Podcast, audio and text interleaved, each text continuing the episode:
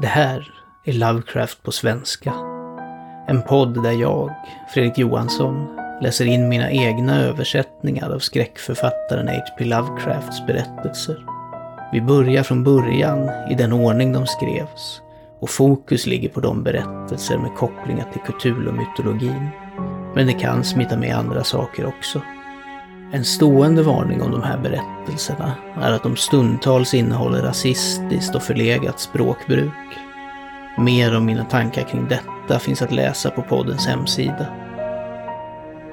Dagens avsnitt är Hunden från 1922. Nu får vi namnet på den skrift den galne araben Al-Hasred författat. Den fruktansvärda Necronomicon. Ägaren av berättelsens exemplar är två män som lever ensamma i en enslig herrgård på en ödehet. De förvarar boken i deras dolda källare som är full av diverse likartade samlingar, plundrade från gravar från världens alla hörn.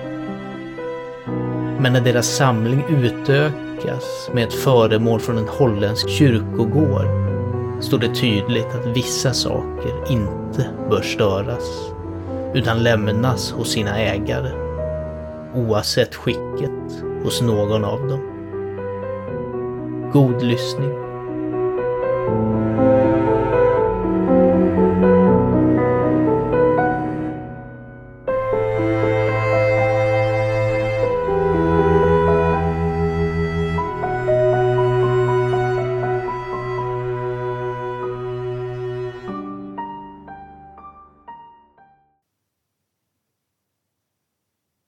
Hunden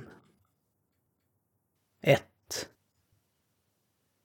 I mina torterade öron ljuder det oavbrutet ett mardrömslikt surrande och flaxande och ett svagt avlägset skällande som från en gigantisk hund.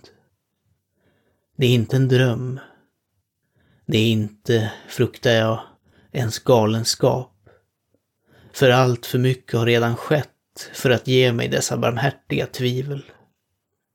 Sankt John är ett sargat lik. Jag ensam vet varför. Och sådan är min vetskap att jag är på väg att spränga ut min hjärna av rädsla för att jag ska bli sargad på samma sätt. Ned för oupplysta och obegränsade korridorer av underjordiska fantasier sveper den svarta, formlösa nemesis som driver mig till självförintelse. Må himlen förlåta den dårskap och morbiditet som ledde oss båda till ett så monstruöst öde. Trött på de banala händelserna i en prosaisk värld, där till och med romantiken och äventyrens glädje snart började förfalla, hade Sankt John och jag entusiastiskt följt varje estetisk och intellektuell rörelse som lovade respit från vår förödande leda. Symbolisternas gåtor och prerafaeliternas extaser var alla våra på sin tid. Men varje ny stämning dränerades allt för snart på sin avledande nyhet och behag. Endast dekadenternas dystra filosofi kunde hålla vårt intresse. Och detta fann vi potent endast genom gradvis ökning av djupet och diabolismen i våra genomträngningar. Baudelaire och Hymens var snart uttömda av spänningar, tills det slutligen endast återstod för oss den mer direkta stimulansen av onaturliga personliga upplevelser och äventyr. Det var detta fruktansvärda emotionella behov som så småningom ledde oss i den avskyvärda kurs, vilken jag även i min nuvarande rädsla nämner med skam och timiditet. Den avskyvärda ytterligheten av mänskligt illdåd det avskyvärda utövandet av gravplundring. Jag kan inte avslöja detaljerna i våra chockerande expeditioner. eller ens delvis katalogisera de värsta av de troféer som prydde det namnlösa museum som vi ordningställt i det stora stenhuset, där vi levde tillsammans, ensamma och utan tjänare. Vårt museum var en blasfemisk, otänkbar plats, där vi med den satanistiska smaken av neurotiska virtuoser hade samlat ett universum av skräck och förfall för att hetsa upp våra avtrubbade känslor. Det var ett hemligt rum, djupt, djupt under marken, där enorma bevingade demoner, snidade i basalt och onyx, kräktes fram ur breda flinande munnar, underligt grönt och orange ljus och där gömda pneumatiska rör rafsade fram kaleidoskopiska dödsdanser i de röda linjerna av likting som höll händer handvävda på voluminösa svarta hängningar. Genom dessa rör kom efter vårt behag de odörer som vårt humör eftertraktade. Ibland doften av bleka begravningsliljor, Ibland den narkotiska rökelsen från föreställda österländska helgedomar för de kungliga döda. Och ibland, och jag darrar när jag minns det, den skrämmande, själaupprörande stanken från den avtäckta graven. Runt väggarna i denna avvisande kammare fanns det lådor med antika mumier, omväxlande med vackra verklighetstrogna kroppar perfekt stoppade och preparerade med konservatorns konst. Och med gravstenar stulna från de äldsta kyrkogårdarna i världen. Nischer här och där innehöll skallar av alla former och huvuden bevarade i varierade stadier av upplösning. Där kunde man finna de ruttnande skalliga gässorna från berömda adelsmän och de färska och strålande gyllene huvudena från nyligen begravda barn. Där fanns statyer och målningar, alla med djävulska motiv och vissa utformade av Sankt John och mig själv. En låst mapp, bunden med garvat mänskligt skinn, innehöll vissa okända och namnlösa teckningar som det ryktades att Goya hade utfört men inte vågat erkänna. Där var vedervärdiga musikinstrument, stråkar, mässings och träblås, på vilka Sankt John och jag ibland frammanade dissonanser av utsökt morbiditet och kakodemonisk spöklighet. Medan i en mängd infällda ebenholtsskåp vilade de mest otroliga och otänkbara varianterna av gravbyten som någonsin hade samlats av mänsklig galenskap och perversitet. Det är om dessa byten i synnerhet som jag inte får tala om. Tack Gud för att jag hade modet att förgöra det. Långt innan jag tänkte på att förgöra mig själv. Våra sökande exkursioner, där vi samlade våra onämnbara skatter, var alltid konstnärliga minnesvärda händelser. Vi var inga vulgära gravskändare, utan arbetade endast under särskilda förhållanden av humör, landskap, miljö, väder, årstid och månljus. Dessa tidsfördriv var för oss den mest utsökta formen av estetiskt uttryck och vi gav dess detaljer en noggrann teknisk omsorg. En olämplig timme, ett otrevligt ljus eller en klumpig hantering av den fuktiga jorden kunde nästan helt förstöra för oss den extatiska titillation vilken följde utgrävningen av någon olycksbådande, flinande hemlighet från jorden. Vår sökan efter nya scener och pikanta förhållanden var febriga och omättade. Sankt John var alltid ledaren. Och det var han som till sist ledde vägen till den där hånande, förbannade platsen, vilken förde oss till vår hemska och oundvikliga undergång.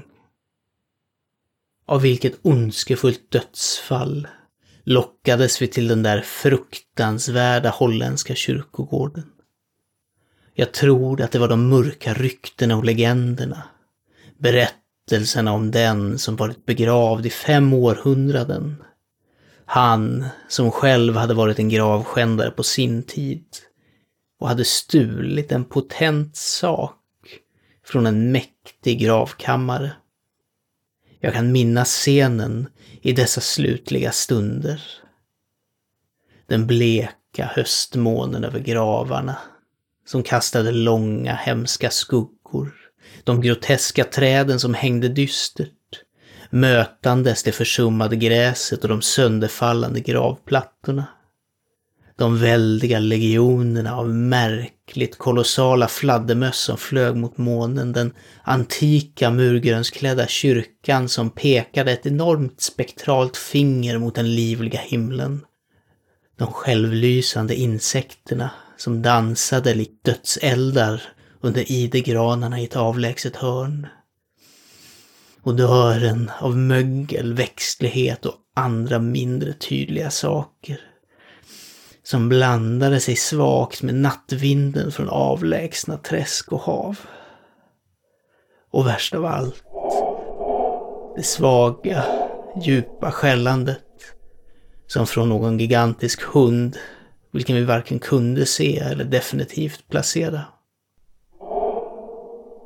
När vi hörde denna antydan till skall darrade vi och mindes böndernas berättelser för han som vi sökte hade århundraden tidigare hittats på just denna plats. Sönderriven och manglad av klor och tänder från någon outsäglig best. Jag minns hur vi grävde oss ner i denna gravskändares grav med våra spadar och hur vi gladdes över bilden av oss själva. Graven, den bleka, vakande månen, de hemska skuggorna, de groteska träden, de titaniska fladdermössen, den antika kyrkan, de dansande dödselderna, de sjukliga odörerna, den svagt stönande nattvinden och det märkliga, halvt hörda, riktningslösa skallet, vars objektiva existens vi knappt kunde vara säkra om. Då stötte vi på en substans hårdare än den fuktiga myllan och skådade en ruttnande avlång låda belagd med en skorpa av mineralavlagringar från den länge ostörda marken. Den var otroligt hård och tjock, men så gammal att vi slutligen kunde bända upp den och såg med fröjd på vad den innehöll.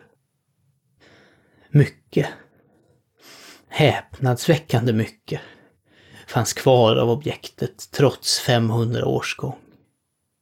Skelettet, även om det var krossat på ställen av käkarna från den sak som dödat den, höll ihop med en förvånande fasthet. Och vi gottade oss över den rena vita skallen och dess långa fasta tänder och dess ögonlösa hålor som en gång hade lyst med en dödlig feber likt vår egen. I kistan låg en amulett med en märklig och exotisk design, vilken tydligen hade burits runt en sovandes hals. Det var en underligt konventionell figur, föreställande en hukande bevingad hund eller en svinx med ett halvhundsliknande ansikte och var utsökt snidad i antik orientalisk stil från ett litet stycke grönt jade. Uttrycken i dess drag var avvisande till det extrema, åtnjutande på en gång både död, bestialitet och illvilja. Runt basen fanns en inskription av tecken som varken Sankt John eller jag kunde identifiera. Och på botten likt en tillverkares sigill, var inristat en grotesk och formidabel skalle. Omedelbart vid skådandet av denna amulett så visste vi att vi måste besitta den. Att denna skatt ensam var vårt logiska rov från den hundraåriga graven. Även om dess konturer hade varit obekanta hade vi begärt den. Men när vi tittade närmare såg vi att den inte var helt obekant. Främmande var den sannerligen för all konst och litteratur vilken förnuftiga och balanserade läsare känner. Men vi kände igen den som ett ting som antyds i den förbjudna Necronomicon av den galne araben Abdul al-Hasred. Den spöklika själasymbolen för den likätande kulten från det otillgängliga Läng i Centralasien. Allt för väl spårade vi de olycksbådande linjerna beskrivna av den gamla arabiska demonologen. Linjer, skrev han, tecknade från någon obskyr övernaturlig manifestation av själarna från dem som plågade och gnagde på de döda. Gripande det gröna jadeföremålet kastade vi en sista blick på det bleka och hålögda ansiktet på dess ägare och stängde graven som vi funnit den. När vi hastade från den avskyvärda platsen, den stulna amuletten i Sankt Johns ficka, tyckte vi att vi såg fladdermössen sänka sig ner som en varelse till den jord vi nyligen rotat igenom som sökande efter någon förbannad och ohelgad näring. Men höstmånen sken svagt och blek och vi kunde inte vara säkra. Så, även när vi seglade iväg nästa dag från Holland till vårt hem, tyckte vi att vi hörde det svaga avlägsna skallet från någon gigantisk hund i bakgrunden. Men höstvinden stönade sorgset och matt och vi kunde inte vara säkra. 2. Mindre än en vecka efter vår återkomst till England började konstiga saker att hända. Vi levde som enstöringar, avsaknade av vänner, ensamma och utan tjänare i ett fåtal rum i en uråldrig herrgård på en dyster och inte ofta besökt hed så våra dörrar var sällan störda av knackningar från besökare. Nu däremot besväras vi av vad som tycktes vara frekventa fumlanden på natten. Inte bara runt dörrarna, utan också runt fönstren, de övre såväl som de lägre. En gång trodde vi att en stor och pak kropp mörklade biblioteksfönstret när månen sken mot den. Och en annan gång tyckte vi oss höra ett virvlande eller flaxande ljud som inte var långt borta. Vid varje tillfälle avslöjade undersökningar ingenting. Och vi började tillskriva händelserna till enbart föreställningar. Densamma märkligt upprörande föreställning, vilken fortfarande höll kvar i våra öron det svaga avlägsna skallet som vi tyckte oss ha hört på den holländska kyrkogården. Jade-amuletten vilade nu i en nisch i vårt museum och ibland brände vi märkligt doftande ljus framför den. Vi läste mycket i Al-Hasreds Necronomicon om dess egenskaper och om förhållandet mellan gravskändares själar till de föremål de symboliserade och blev störda av det vi läste. Sedan kom skräcken. På natten den 24 september hörde jag en knackning på min kammardörr. I tron att det var Sankt John bad jag den knackande att stiga in, men besvarades endast av ett gällt skratt. Det var ingen i korridoren. När jag väckte Sankt John från hans sömn uttryckte han sig helt okunnig om händelsen och blev lika oroad som mig. Det var den natten som det svaga avlägsna skallet över heden blev för oss en säker och fruktad verklighet. Fyra dagar senare, medan vi båda var i det gömda museet, kom ett lågt, försiktigt rivande från den enda dörren som ledde till den hemliga bibliotekstrappan. Vår oro var nu delad Eftersom förutom vår rädsla för det okända hade vi alltid hyst en fruktan för att vår gräsliga samling kunde upptäckas. Släckande alla ljus tog vi oss till dörren och kastade upp den plötsligt. Varpå vi kände en oförklarlig ström av luft och hörde, som om det avlägset drog sig bort, en märklig kombination av prasslande, fnittrande och artikulerat tjattrande. Ifall vi var galna, drömmande eller till våra sinnens fulla bruk försökte vi inte att avgöra. Vi insåg bara, med de svartaste farhågorna, att det till synes okroppsliga tjattrandet utan tvekan var på det holländska språket. Efter det levde vi i växande fasa och fascination. Mestadels höll vi fast i teorin att vi gemensamt höll på att bli galna av vårt liv av onaturliga spänningar. Men ibland gladde det oss mer att dramatisera oss själva som offer för någon smygande och skrämmande undergång. Bizarra manifestationer var nu för frekventa för att räkna. Vårt ensamma hus var till synes levande med närvaron av något ondskefullt väsen vars natur vi inte kunde gissa. Och varje natt rullade det demoniska skallet över den vinpinade heden. Alltid högre och högre. Den 29 oktober fann vi i den mjuka jorden under biblioteksfönstret en serie med fotavtryck fullständigt omöjliga att beskriva. De var lika förbryllande som horderna av stora fladdermöss som hemsökte den gamla herrgården i oöverträffade och ökande antal. Skräcken nådde kulmen den 18 november. När Sankt John, gående hem efter mörkrets inbrott från den avlägsna järnvägsstationen, greps av någon fruktansvärd köttätande sak och slets i stycken. Hans skrik nådde huset och jag hastade till den fruktansvärda scenen i tid för att höra ett sus av vingar och se en vag molnig sak i siluett mot den stigande månen. Min vän var döende när jag talade till honom och han kunde inte svara sammanhängande. Allt han kunde göra var att viska. Amuletten! Den förbannade saken! Sedan kollapsade han. En orörlig massa av manglat kött.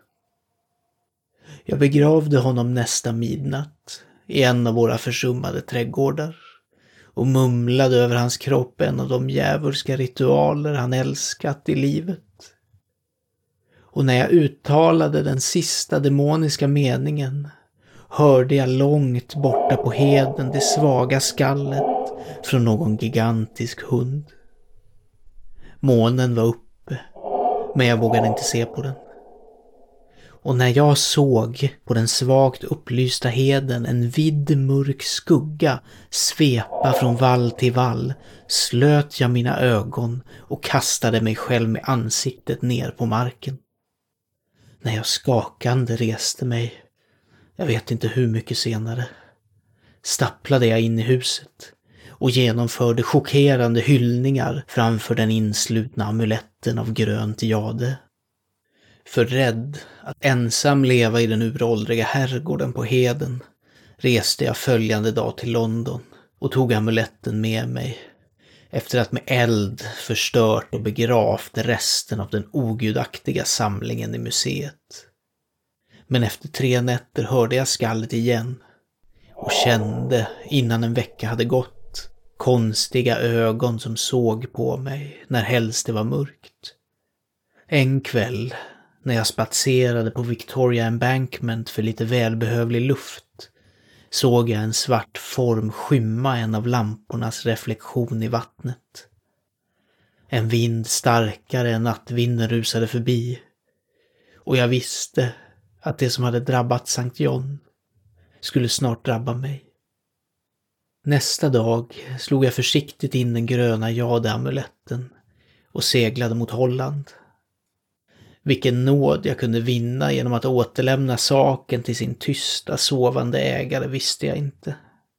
Men jag kände att jag åtminstone måste försöka med alla logiska steg. Vad hunden var och varför den förföljde mig var frågor ännu obesvarade. Men jag hade först hört skallet på den där uråldriga kyrkogården. Och varje följande händelse, inklusive Sankt Johns döende viskning, hade tjänat till att sammankoppla förbannelsen med stölden av amuletten. Följaktligen sjönk jag ned i förtvivlans nedersta avgrund när jag på ett värdshus i Rotterdam upptäckte att tjuvar hade berövat mig detta enda medel för frälsning. Skällandet var högt den kvällen och på morgonen läste jag om ett namnlöst dåd i stadens vidrigaste kvarter. Slöddret var förskräckta. För över ett ont hyreshus hade det fallit en röd död bortom de grymmaste tidigare brotten i grannskapet.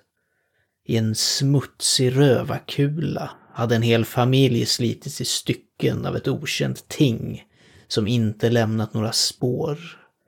Och de runt omkring hade genom hela natten hört, genom de vanliga ropen av berusade röster, en svag, djup, enträgen ton.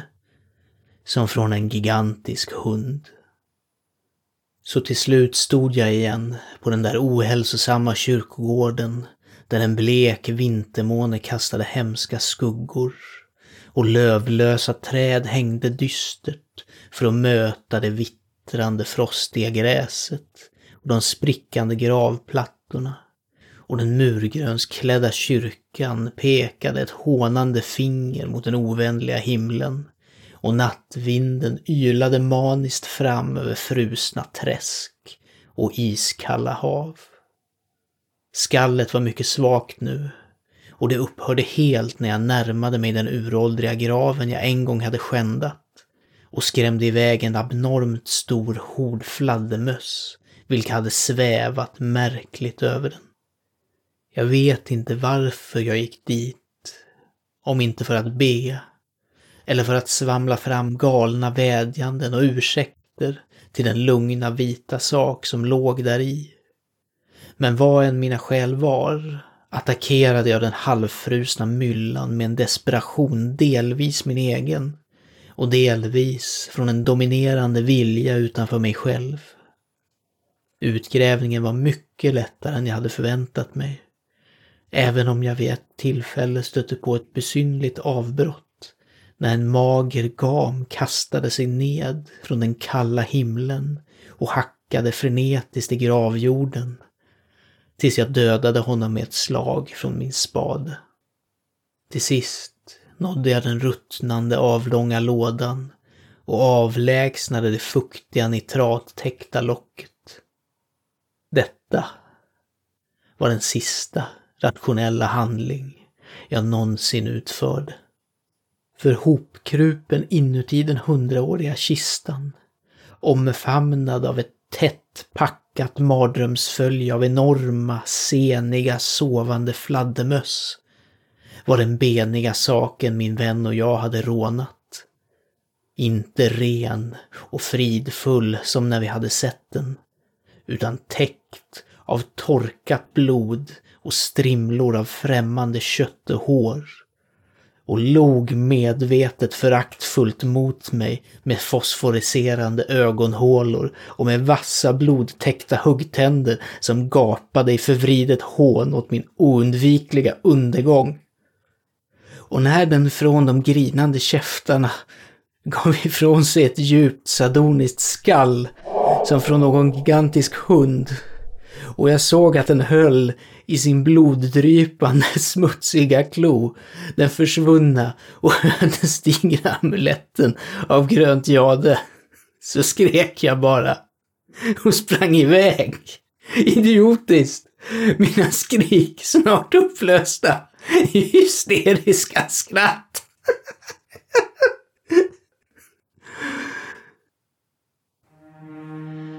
Galenskap rider på stjärnvinden.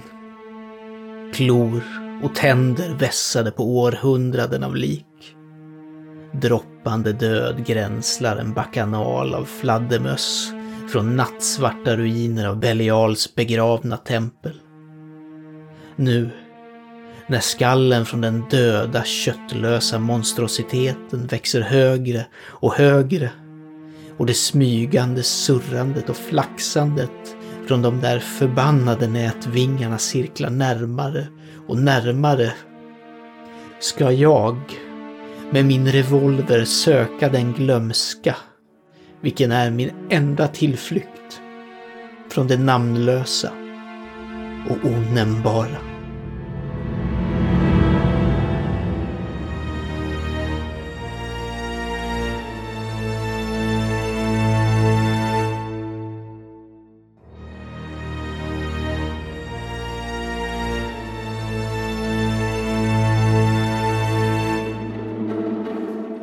Du har lyssnat på Hunden, en berättelse av Howard Phillips Lovecraft som skrevs i september 1922 och som publicerades för första gången i februari 1924 i Weird Tales i det andra numret av den tredje utgåvan.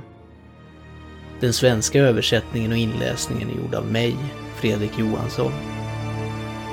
Tack för att du har lyssnat.